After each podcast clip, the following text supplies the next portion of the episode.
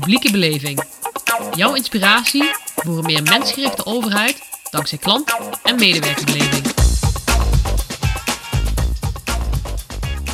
Sanna, vandaag gaan we het hebben over hoe je CX in het DNA van de organisatie kunt krijgen.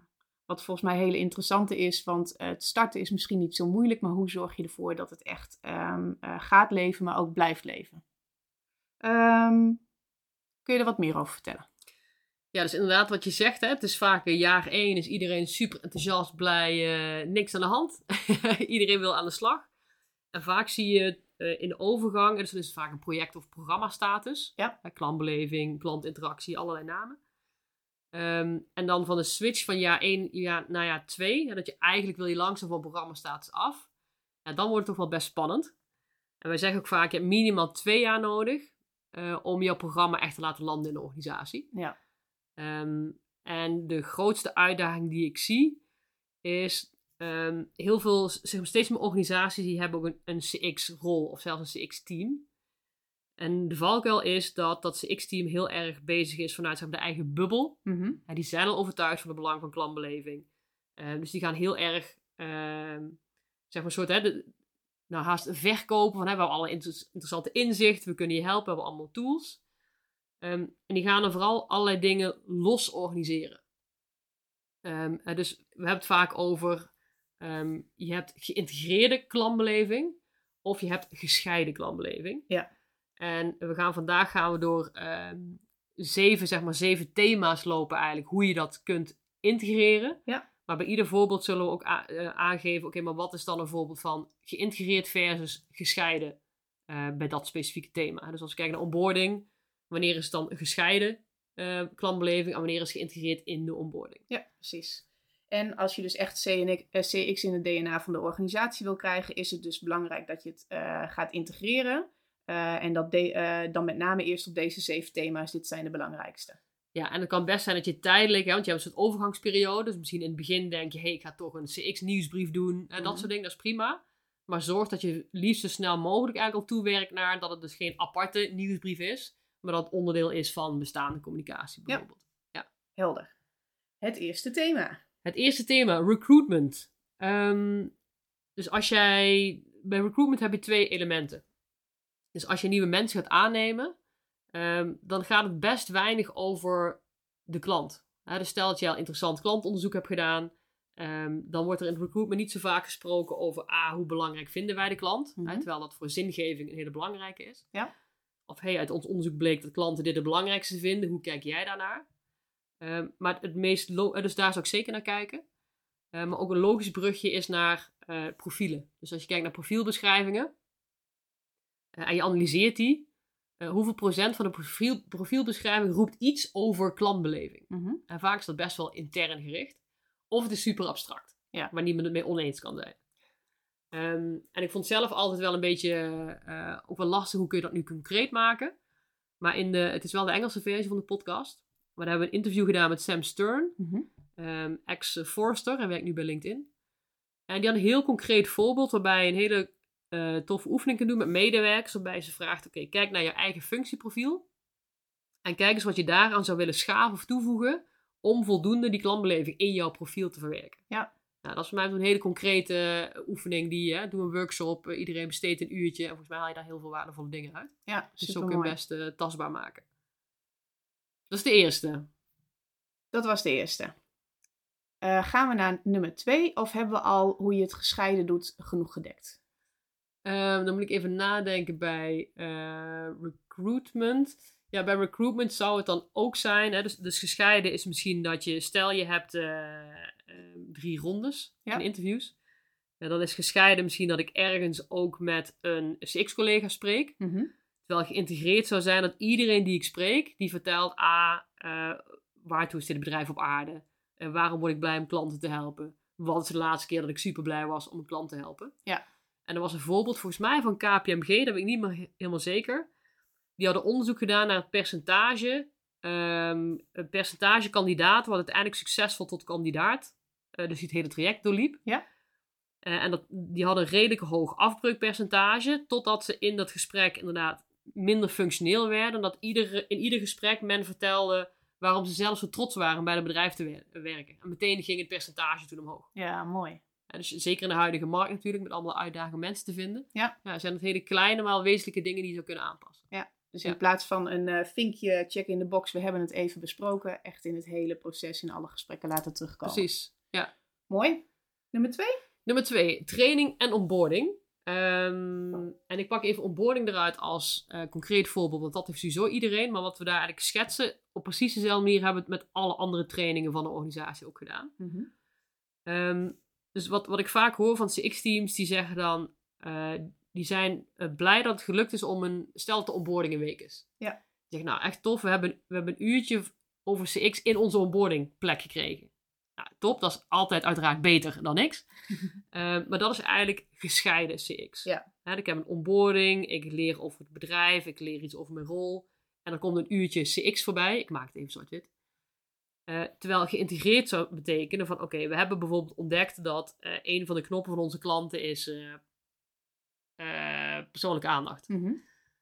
Dat je dan eigenlijk gaat kijken, oké, hoe zou ik nou die hele onboarding gaan herontwerpen als ik overal die klant in wil, laten terugkomen? Ja. Eh, misschien wil ik wel eh, een opdracht geven aan nieuwe medewerkers. hey, dit is een belangrijk probleem van een klant. Wat denken jullie, hoe zou de persoonlijke aandacht kunnen ver- verhogen? Ja. Of dat de directeur niet vertelt, kijk, dit is het hartje van de organisatie. Nee, dit is waarom ik trots ben. Of dit is de laatste keer dat we echt veel impact hebben gemaakt op een klant. Ja, dat is gescheiden, dus ik heb een los uurtje over klantbeleving. Ja. Geïntegreerd is, maar als we nou eens die hele onboarding door de bril van klantbeleving bekijken, ja, zouden we het dan niet eigenlijk helemaal anders organiseren? En dat hebben we toen, eh, dus bij de onboarding geldt het zeker. En maar dat kun je ook echt doorvoeren. We hebben dat ook gedaan bij een organisatie waar ze een nieuw CRM-systeem gingen uitrollen. Mhm. Eh, en dan moest natuurlijk e-learning komen. En dat is super functioneel. Ja. Hè, je moet uitleggen hoe ik, weet ik wat, taak huppelepup vastleg. Maar wat we toen hebben gedaan, we hebben dus al die e-learning modules, die hebben wij gescand. En overal in iedere module waar het, waar het paste, en het paste op heel veel plekken, gewoon alleen maar een zinnetje toegevoegd. hey, waarom is dit stukje functionaliteit belangrijk? Want kijk, daarmee gaan we de persoonlijke aandacht van de klant, zeg maar even als voorbeeld, verhogen. Ja. En dus ook wel denk je van, ja, maar dit is een super technische training. Je kunt het in bijna alle trainingen kun je het, eh, integreren. Ja, mooi. Mooi voorbeeld. Thanks. Nummer drie. Nummer drie, communicatie. Communication. Communication. Eh, en dat is natuurlijk super breed. Ehm, maar hier het voorbeeld wat we net in de introductie eigenlijk een beetje schetsten is... ehm, al snel is er de neiging om een aparte klant, mail, een CX-nieuwsbrief, dat soort dingen te doen. Ja. Ehm, en wat ik zei in het begin, in het begin is dat misschien ook nodig. Dat hebben wij ook vaak genoeg gedaan. Maar wat je eigenlijk wil, is dat je gaat kijken, oké, maar welke communicatie is er allemaal in het bedrijf? Eh, ik verzin een maandelijkse eh, update van waar het bedrijf staat.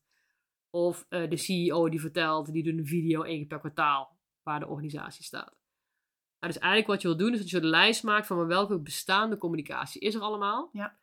En dat je dan gaat kijken, hé, hey, maar als die CEO eh, dat videootje doet, eh, hoe kunnen wij die persoon voeden, zodat hij of zij het in de video heeft over de klant? Eh, hoe kunnen we die bestaande nieuwsbrief met twee regels of een parta linea, kunnen we daar klantbeleving in integreren? Ja. Ja, dus je wil eigenlijk zorgen dat het inderdaad overal in zit, in plaats van een aparte stroom is met updates over. Ja, Klantbeleving. precies. Wat het eh, enorm krachtig maakt, want het komt niet van één eh, club in één nieuwsbriefje, maar het komt gewoon overal in terug. Je ziet het overal, je hoort het overal. Ja, je wordt gewoon van alle kanten gestalkt. Ja, Niet meer aan te ontkomen. precies. Ja, en het belang wordt gewoon heel duidelijk. Ja, precies. Omdat het inderdaad ook van verschillende lagen komt. En eh, wat denk ik ook wat heel fijn is, even is een, een eh, zijsprongetje, het heeft er wel mee te maken. Heel veel organisaties met wie we werken, die vragen op een gegeven moment, hè, dus als je met medewerkers kletst, ehm, en je gaat het hebben over klantbeleving, heel snel het gevoel, oh, hier komt weer project 385. Ja, Omdat er geen geïntegreerd logisch verhaal ligt. Ja, Oké, we hebben misschien wel vijf projecten lopen, maar kijk, dit versterkt project A, dat versterkt project B, dus zo hangt alles samen. Ja. Ja, dus ook daar in je communicatie zorg dat het voor medewerkers voelt als, dit is niet project nummer 385, maar oh ja, dit is een logisch geheel in het totaal waar we naartoe werken met z'n allen. precies. Waardoor het ook niet voelt als extra werk, maar gewoon je werk op een andere manier doen. eh. Precies. ja. En nog meer link naar zingeving. Hè? Er zit heel veel eh, winst tussen eh, klantbeleving en medewerkerbeleving. Ja. Dat wat de klant het belangrijkste vindt, heel vaak gelinkt is aan de zingeving voor de medewerker. Dus je kunt heel veel positieve impact mee maken. Oké. Nummer vier? Nummer vier. Eh, meetings staat op ons lijstje. Ja, dus een beetje vergelijkbaar met communicatie. Dus wat je ook hier ziet is dat, eh, dat CX-teams dan aparte workshops gaan doen over CX. Of aparte meetings over CX. Uh, ook hier het advies tijdelijk prima. Uh, maar ga een overzicht maken. Dat we ook echt gewoon ga plat een lijstje maken. per niveau. dus welke meetings heeft de directie met het managementteam? Ja. Welke meetings heeft, hebben de MT's met hun teamleiders? Teamleiders met de medewerkers? Uh, en ook daar ga je kijken, en als ik een bruggetje naar nummer 5, naar leiderschap. Oké, maar hoe kunnen wij niet aparte CX-meetings hebben, maar hoe kunnen wij in de bestaande meetings zorgen dat klantbeleving op de agenda komt? Ja. En op de agenda komt, tenminste, ik heb zelf uh, regelmatig in de valkuil getrapt en denk, ja, maar dan kunnen mensen genoeg wel ideeën bedenken wat ze dan moeten doen. maak het concreet. En maak het concreet. Ja, dus komt heel snel de vraag terug. Oké, uh, de eerste vijf minuten van een meeting besteden aan klantbeleving. Tuurlijk, maar wat moeten we met die vijf minuten doen? Ja. ja dus maak het heel tastbaar. Bespreek een klantcase. Uh, of vraag aan een medewerker. Hey, wil jij delen waar je het meest blij werd afgelopen week? Waar je impact hebt gemaakt op een klant? Weet ik veel. Ik kan het zo gek niet verzinnen, maar verzin het wel. Ja. Want er is wel behoefte aan. Oké, maar kun je mij even wat voorbeelden schetsen? Hoe ik die tijd dan zou kunnen, kunnen besteden? Ja. Je maakte net al even het uh, linkje naar uh, nummer 5, leiderschap. Ja, en want ook daar, als je. Ik heb zelf. Ik ben eigenlijk nog geen uh, directeur, manager tegengekomen die zegt: Nou, dat hele klantbeleving. Dat is niet voor mij. Laat me zitten. Laat me zitten. wel, het is best abstract, vaag, et cetera. Um, dus wat je ook daar merkt, is dat voor leiderschap heel fijn is om heel concreet ideeën te schetsen. Wat, wat kun je dan doen? En ook dat op alle niveaus. Hè. Dus we hebben bijvoorbeeld voor een, een Tiny Habit op teamleiderniveau is um, iedere ochtend als ik mijn computer opstart, uh, vraag ik even aan een van mijn teamleden: hey, wat heb jij gisteren gedaan waardoor je de klant blij maakt? Ja. Verzin ik ook weer even te plekken. Uh, voor de managers hetzelfde. Hoe, hoe, vaak vraag jij aan je team: Goh, uh, wat heb jij afgelopen maand gedaan om te experimenteren met klantbeleving? Bijvoorbeeld. voor senior managers hetzelfde. Hoe vaak spreek je misschien een klant? Hè, de, zorg dat je één keer per maand een klant spreekt of een klacht oplost. Om, hè, dus we hebben, we hebben daar ook, kunnen we een link maken in de, in de omschrijving van de podcast. Mm -hmm. Ik zal het even opschrijven. Ja. Zodat we het niet vergeten. Um, waarbij we bijvoorbeeld hebben van 13, hè, 13 uh, eigenlijk leiderschap, deels voorbeeldgedrag, maar ook gewoon tiny habits. Mm -hmm. uh, die hebben we deels gebruikt op basis van uh, Forrester. Uh, maar dan vond ik een paar iets van te complex. Dus we hebben een mix gemaakt van de Forrester voorbeelden met een aantal eigen habits die we ook met, uh, met senior uh, managers hebben besproken. Ja. dus doe daar je voordeel mee. Varieer erop, maar dit is van een goed startpunt dat mensen ook snappen, oh ja. En een oefening die heel leuk was die we gedaan hebben, want dit is gewoon één slide.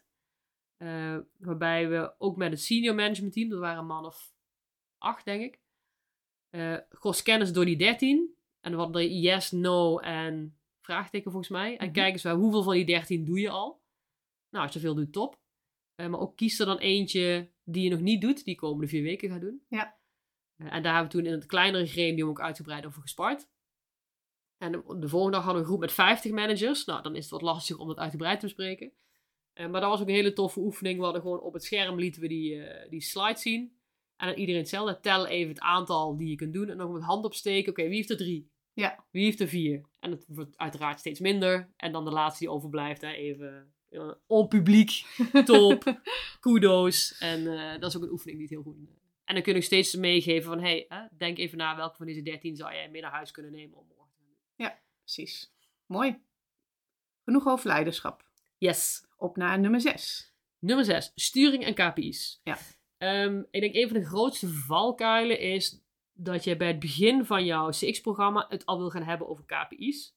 Uh, wat ik in ieder geval zelf zie, is dat dat veel te vroeg is. Mm -hmm.